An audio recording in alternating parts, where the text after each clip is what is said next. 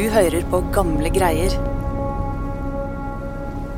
En sensommerdag i 1906 ble en bonde funnet livløs, liggende på magen med ansiktet i jorda i en søvnig vestlandsbygd.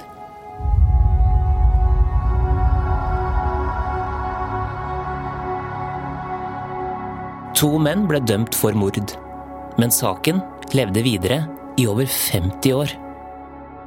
Avisartikler, bøker og foredrag om saken engasjerte folk over hele landet.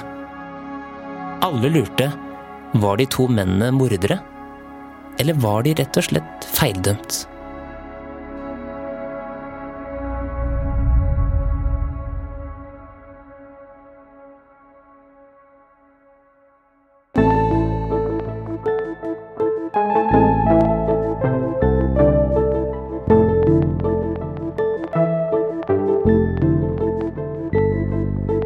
Du hører på Gamle greier, en historiepodkast fra Nasjonalbiblioteket.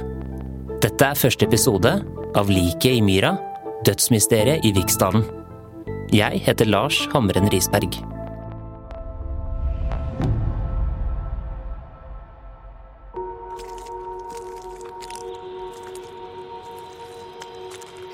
I den lille vestlandsbygda Viksdalen i Sunnfjord kunne du i grålysningen søndag morgen 19. august 1906 høre lyden av føtter i skvulpende myr og tørre greiner som ga etter under vekten av mennesker.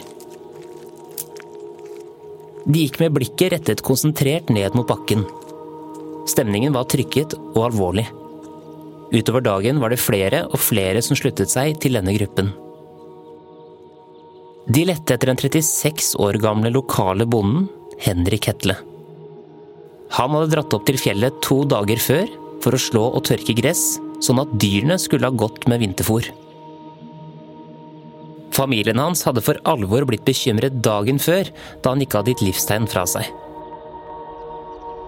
Nå var hvert minutt i uvisshet vanskelig å bære.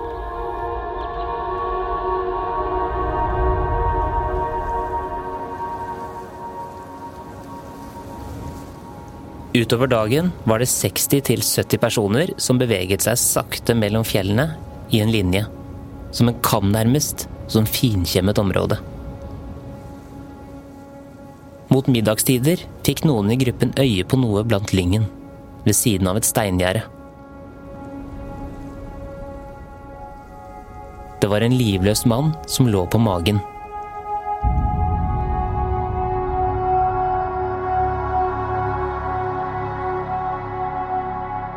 Nakken og bakhodet var synlig.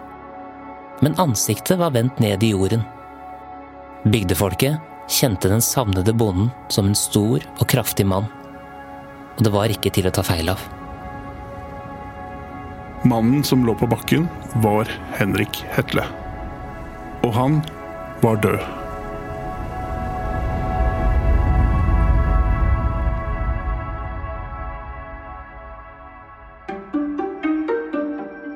Chris Nyborg, lokalhistoriker på Nasjonalbiblioteket. Bygdefolket sendte straks bud etter lensmannen, som samme dag skyndte seg til Viksdalen. Da han var på plass, noterte han hvordan liket lå. Det var ikke spor av andre mennesker rundt den døde, og det var heller ikke blod på den dødes klær.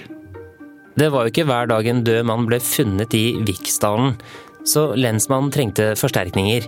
Og neste dag kom distriktslegen, som sammen med lensmannen bestemte seg for at det liket burde obduseres.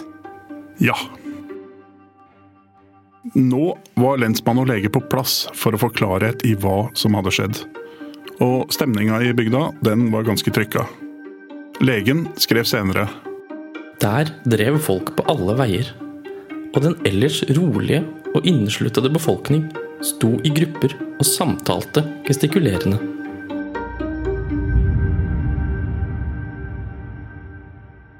Altså, allerede før obduksjonen så ble lensmannen mistenksom fordi mange i bygda snakket høyt om at det kunne ha skjedd noe kriminelt. Og litt før klokken 17 så sendte han et telegram fra den lille bygda til politimesteren i Florø. Dødsfallet hadde skjedd under mistenkelige omstendigheter, skrev han. Til obduksjonen kom det enda en lege til bygda. Nå var de to leger som kunne undersøke liket. Legene begynte å skjære i liket. Først hodet. De sagde forsiktig gjennom kraniet og tok ut den store og vesle hjernen. Dette så ut til å være normalt. I munnen fant de grus og sand, og i luftrøret noen sandkorn.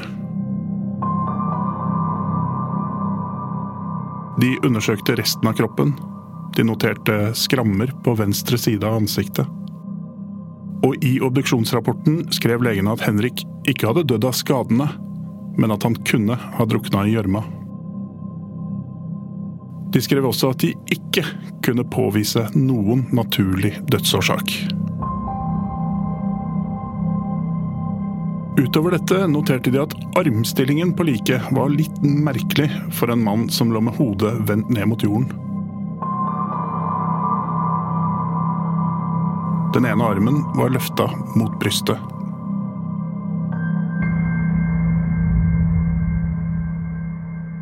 Så dette var et mystisk dødsfall, og Henrik Hetle døde kanskje ikke en naturlig død. Nei, altså Nå fikk sladderet i bygda virkelig bein å gå på. Og det var ett navn som gikk igjen når folk diskuterte den tragiske hendelsen. Mikael Hetle. Naboen til den døde Henrik Hetle.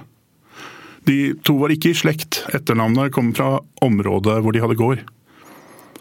Uansett, mange var sikre på at Mikael hadde et klart motiv. Henrik og Mikael var naboer og hadde nylig avslutta en bitter konflikt om et jordområde begge insisterte på at de eide. Ingen av dem ville gi seg. Hm. Saken hadde havna i forliksrådet, hvor Mikael hadde vunnet. Men det var Henrik ikke fornøyd med. Han tok saken videre til retten. Det utvikla seg til å bli en stor og omfattende sak med en tykk bunke på over 200 sider dokumenter. Og saksomkostningene de ble høyere enn det lille jordområdet var verdt. Det var ikke hver dag at bøndene i Viksdalen kunne se folk i bygda gå til rettssak mot hverandre for et lite jordområde, en liten utmarksteig. Så dette her var et hett tema. Og da rettssaken endte, fikk saken et helt annet utfall enn i forliksrådet. Nå var det Henrik som vant. Han ble tildelt jordområdet. Og som et siste stikk ble Mikael dømt til å betale saksomkostningene. Det skjedde kun tre måneder før Henrik ble funnet livløs, med hodet ned i jorda. Så her var det et tydelig motiv, mente folk i bygda. Ja, og dagen etter at liket ble funnet, 20.8, begynte lensmannen å utføre avhør av folk i bygda.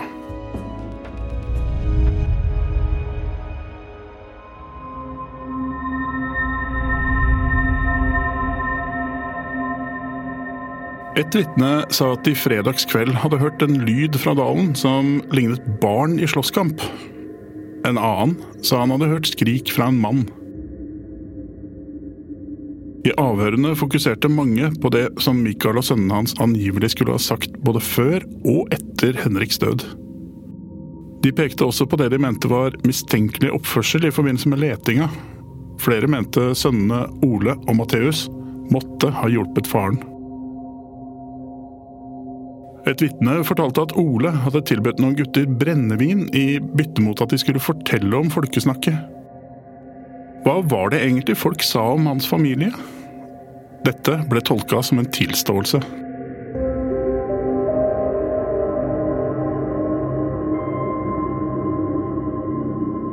Og ikke nok med det. Ole hadde vært med på leteaksjonen. Og da han og noen gutter hadde tatt en pause oppi en bakke par hundre meter fra steingjerdet hvor liket senere ble funnet, hadde Ole utbrutt 'ja, der ligger han'.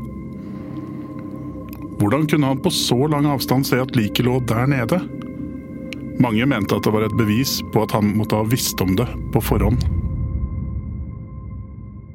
Det var jo tydelig at ryktene gikk, og i en liten bygd som dette fikk jo det store konsekvenser. For når noen var utstøtt, så ble det veldig tydelig. For da Henrik ble gravlagt, glimret Michaels familie med sitt fravær. de var ikke invitert i gravferden.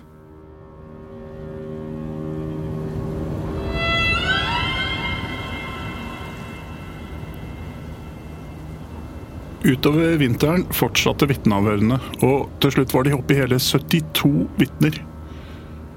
Det som var spesielt, var at mange av vitnene bare gjenfortalte ting de hadde hørt andre si.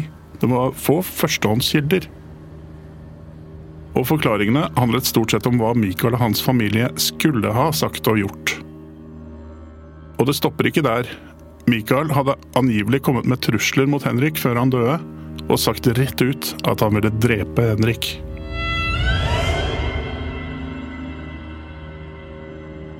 Bare et fåtall av vitnene uttalte seg til Michaels fordel. De fleste mente det var snakk om et drap.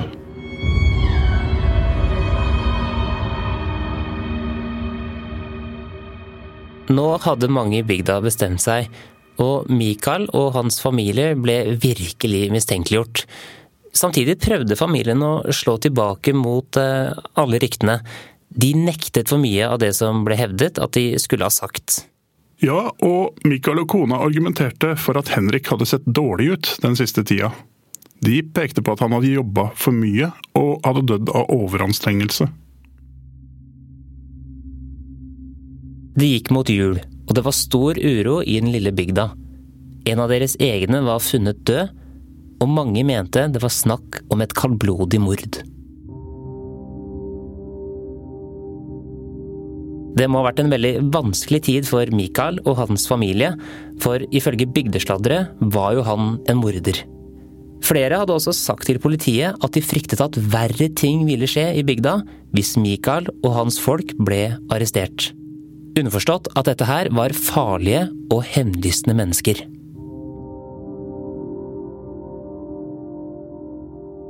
Lensmannen skrev til politimesteren i et brev at Mikael og hans familie var harde folk som kunne våge litt av hvert. Og etter nesten et halvt år med avhør og undersøkelser bestemte politiet seg. Ja. Deres hovedteori var at Mikael var hovedmannen, og hadde fått hjelp av sønnene Ole på 18 og Matteus på 16 til å drepe naboen Henrik. Politiet mente at drapet hadde skjedd et annet sted enn der liket ble funnet. De mente at far Mikael hadde fått hjelp av sønnene Ole og Matteus til å frakte liket med hest til funnstedet. Politiet slo også fast at de tre ikke hadde noe troverdig alibi.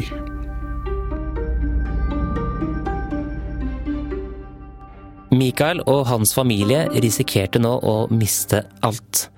Å drive en liten gård på Vestlandet var jo knallhardt, og hvis familiens overhode og to sønner skulle ende opp i fengsel, så ville jo det være en katastrofe. Og i tillegg ville familien for alvor bli stemplet som mordere.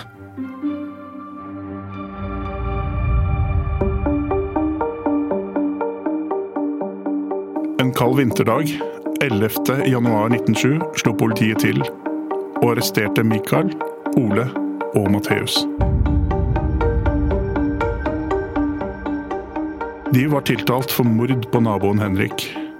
Og like etter ble de frakta den nesten 20 mil lange turen sørover til Bergen, der de ble satt i varetekt.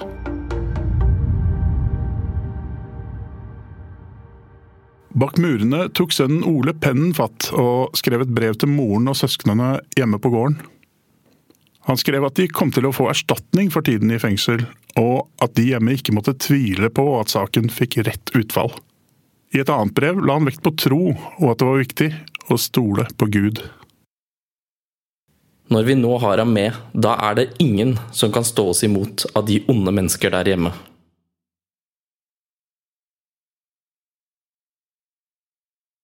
Det gikk mot rettssak, men fra myndighetenes side var det ikke alle som var overbevist om at dette faktisk var en sak.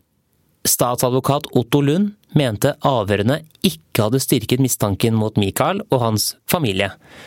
Han utelukket heller ikke teorien om at Henrik kunne ha mistet bevisstheten av overanstrengelse, og rett og slett falt om der han ble funnet og blitt kvalt av mudderet han hadde pustet inn.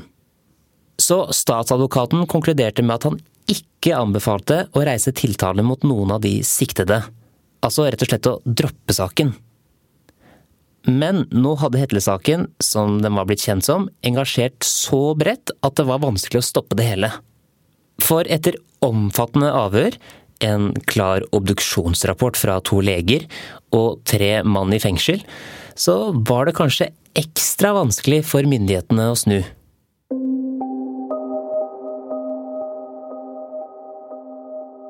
Vinter ble til vår og sommer.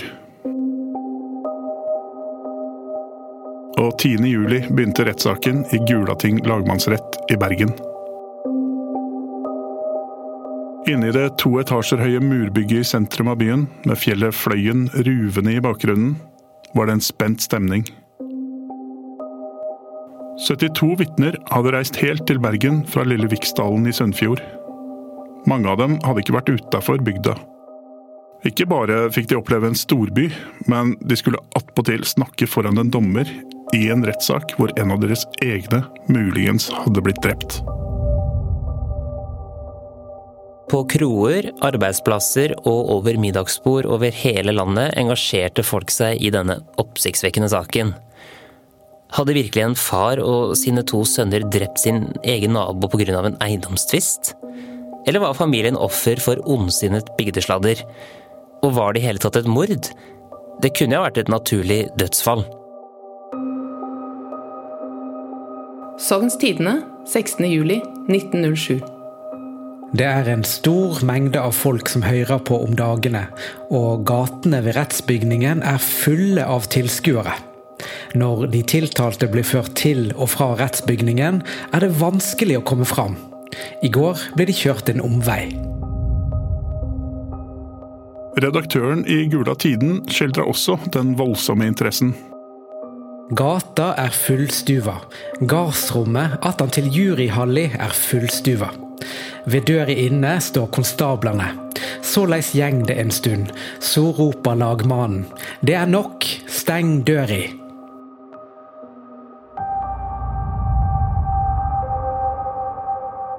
Da hviskingen og summingen i rettssalen senka seg, kunne de endelig begynne. Dommeren kasta et blikk mot de tiltalte og stilte dem et innledende spørsmål. Erklærte de seg skyldige?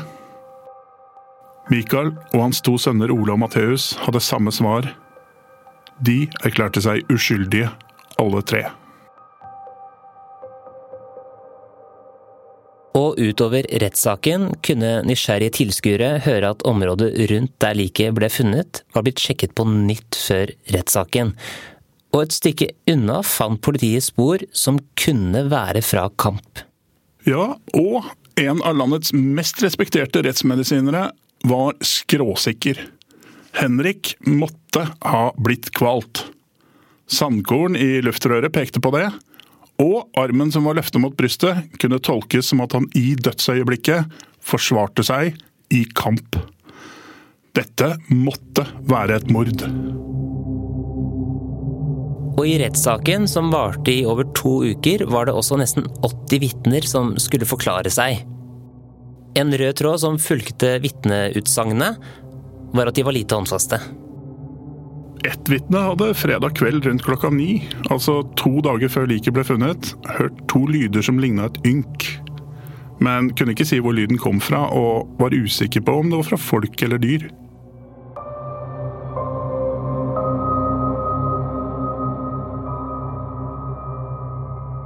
Et annet vitne syntes han i samme tidsrom hadde hørt noen som jamra seg, men kunne ikke si noe helt sikkert. Det var sauer i området. Det kunne ha vært dem.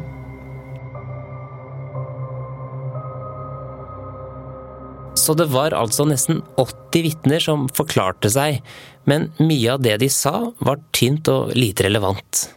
Ja. Og dette måtte altså Mikael og hans to sønner høre på der de satt på tiltalebenken. Nå var tiden i ferd med å renne ut for dem. Hvis de ikke ble trodd, ville de bli stempla som kaldblodige mordere. Ikke bare i hjembygda, men i aviser over hele landet. Og så ville et veldig trist liv i trange og skitne fengselsceller vente dem. De kunne se langt etter frisk luft og et harmonisk liv med familien på gården, hjemme. Og den 26. juli skulle dommen falle. Bergens Tidende, 27. juli 1907. Fra den tidlige morgenen av begynte der at samles interesserte utenfor rettslokalet.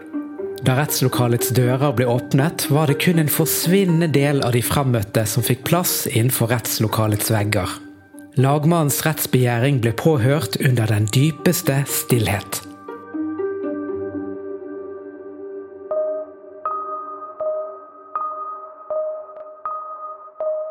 Tiltalte nummer én. Mikael Gjertsen Hetle.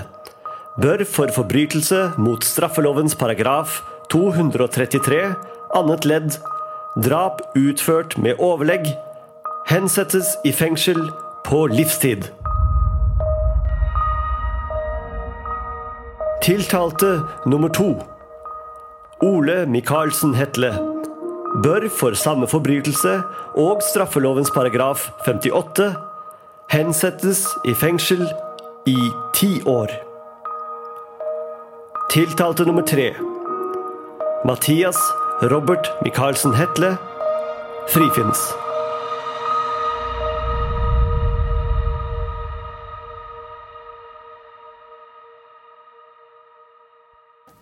Michael og Ole ble altså dømt til tross for at det ikke hadde blitt lagt fram bevis i retten. Det var kun indisier.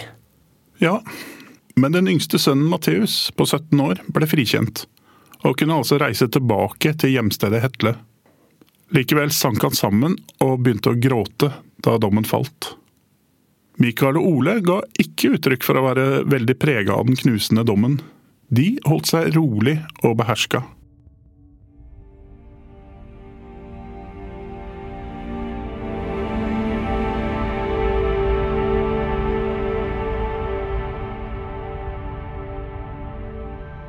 Slutten av august 1907, nesten ett år siden liket av naboen Henrik ble funnet, reiste far og sønn Mikael og Ole den lange veien til Kristiania med politieskorte for å sone. Aftenposten 24. august 1907.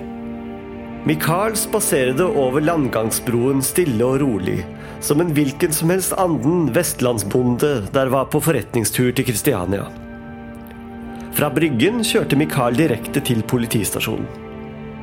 Da han kom ut på gangen for å føres til kretsfengselet, mumlet han også at han var uskyldig, og at han ba til Gud om at denne, hans uskyldighet, skulle komme for en dag.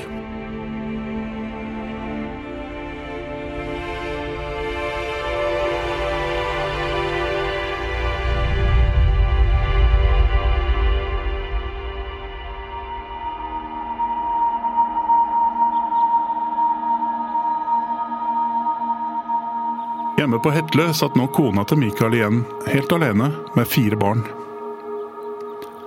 I tillegg til å kjenne på fortvilelse, skam, bli sosialt utstøtt, var det også nå pengetrøbbel.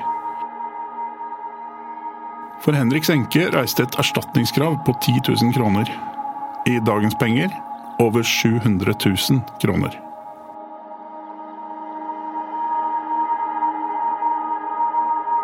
Det var umulig for familien å holde hodet over vannet. Problemene tårna seg opp. Det endte med at familien måtte legge gården ut for salg.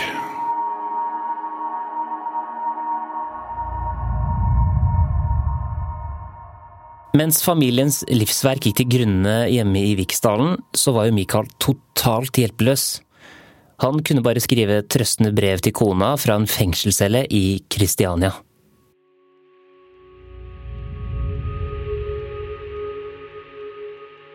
En dag åpnet far og sønn avisa i fengselet, og fikk en overraskelse. Opp fra de tynne avissidene lyste et glimt av håp. Ja, for en av datidens store forfattere, Hans Seland, meldte seg nemlig på. Inntrøndelagen 12. august 1907. Hans Seland hevdet energisk at de dømte er uskyldige, og at Henriks død utelukkende skyldes et ulykkestilfelle. Forfatteren hadde fulgt saken nøye i avisene, og var klar på at far og sønn var dømt på veldig tynt grunnlag. Og at saken rett og slett måtte legges fram for nye sakkyndige. Og så var jo Mikael og Ole desperate etter å renvaske seg. Og oppløfta av støtten de fikk, så søkte de nå om å få saken gjenopptatt. Men svaret som kom, var nedslående. De fikk avslag.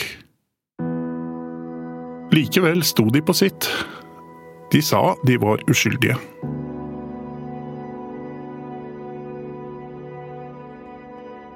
Nå var det flere og flere ressurssterke folk som meldte seg på for å støtte dem.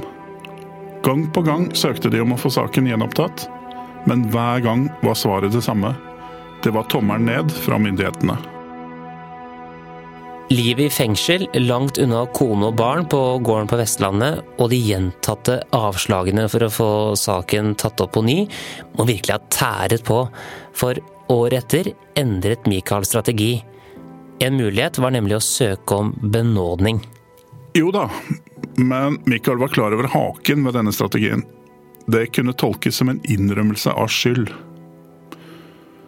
Likevel sendte de inn et søknad om benådning til regjeringa i 1913. Og både far og sønn må ha blitt overraska da svaret kom to måneder etter. 14. mai 1914. Søknaden ble innvilga. De var benåda.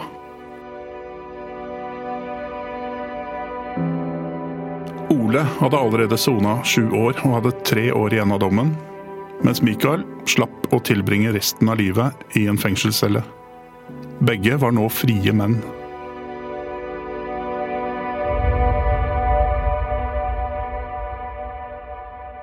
Dette var jo et slags punktum da, for en veldig lei sak. Ja, på en måte. Men livet utenfor fengselet som frie menn ble ikke som forventa. Far og sønn var fortsatt mordere i manges øyne, og det var ikke lett å bare fortsette livet i vestlandsbygda der de slapp. Det første Ole gjorde som fri mann, var å vende hjembygda ryggen. Han var nå 26 år og fortsatt ung nok til å starte på nytt. Han orka ikke å flytte tilbake, ville heller starte med blanke ark i Bergen. En storby hvor ikke alle han møtte hadde gjort seg opp en mening om han og hans familie. Men faren Mikael, han var et annet sted i livet. Han var nå 61 år og valgte å reise tilbake til Viksdalen.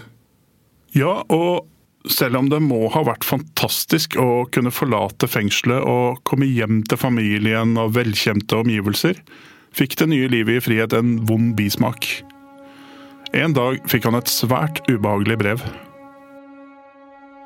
Morder Mikael Hetle. Håper du er reiseklar nå som fanden kjem og henter deg.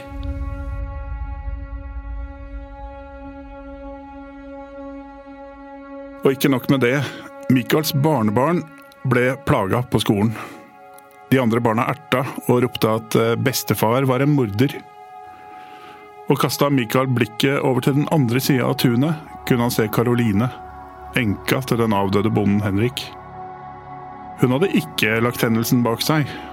Det kom fram at hun hadde gått eh, til lensmannen. Til han hadde hun sagt at hun ikke følte seg trygg. Hun var sikker på at Michael gikk rundt med hevntanker mot henne og familien.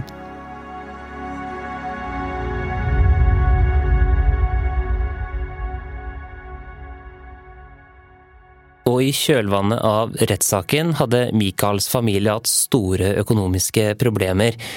De hadde blitt tvunget til å legge gården ut for salg, og det eneste budet som kom inn, var den døde naboens kone Caroline. Og det må ha kommet som et slag i magen for Michaels familie. Ja, men Michaels svigerdatter hadde klart å samle nok penger til å kjøpe gården. Så han slapp å forlate gården og starte helt på nytt.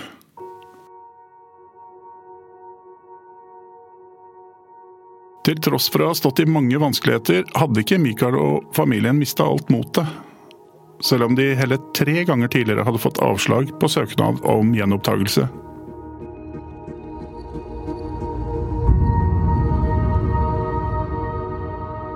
Men de visste at de trengte bedre kort på hånden. De måtte rett og slett skaffe nye bevis og ha nye opplysninger som kunne utfordre den rettsmedisinske erklæringen. Og snart skulle de få nye, banebrytende opplysninger om mannen som var død.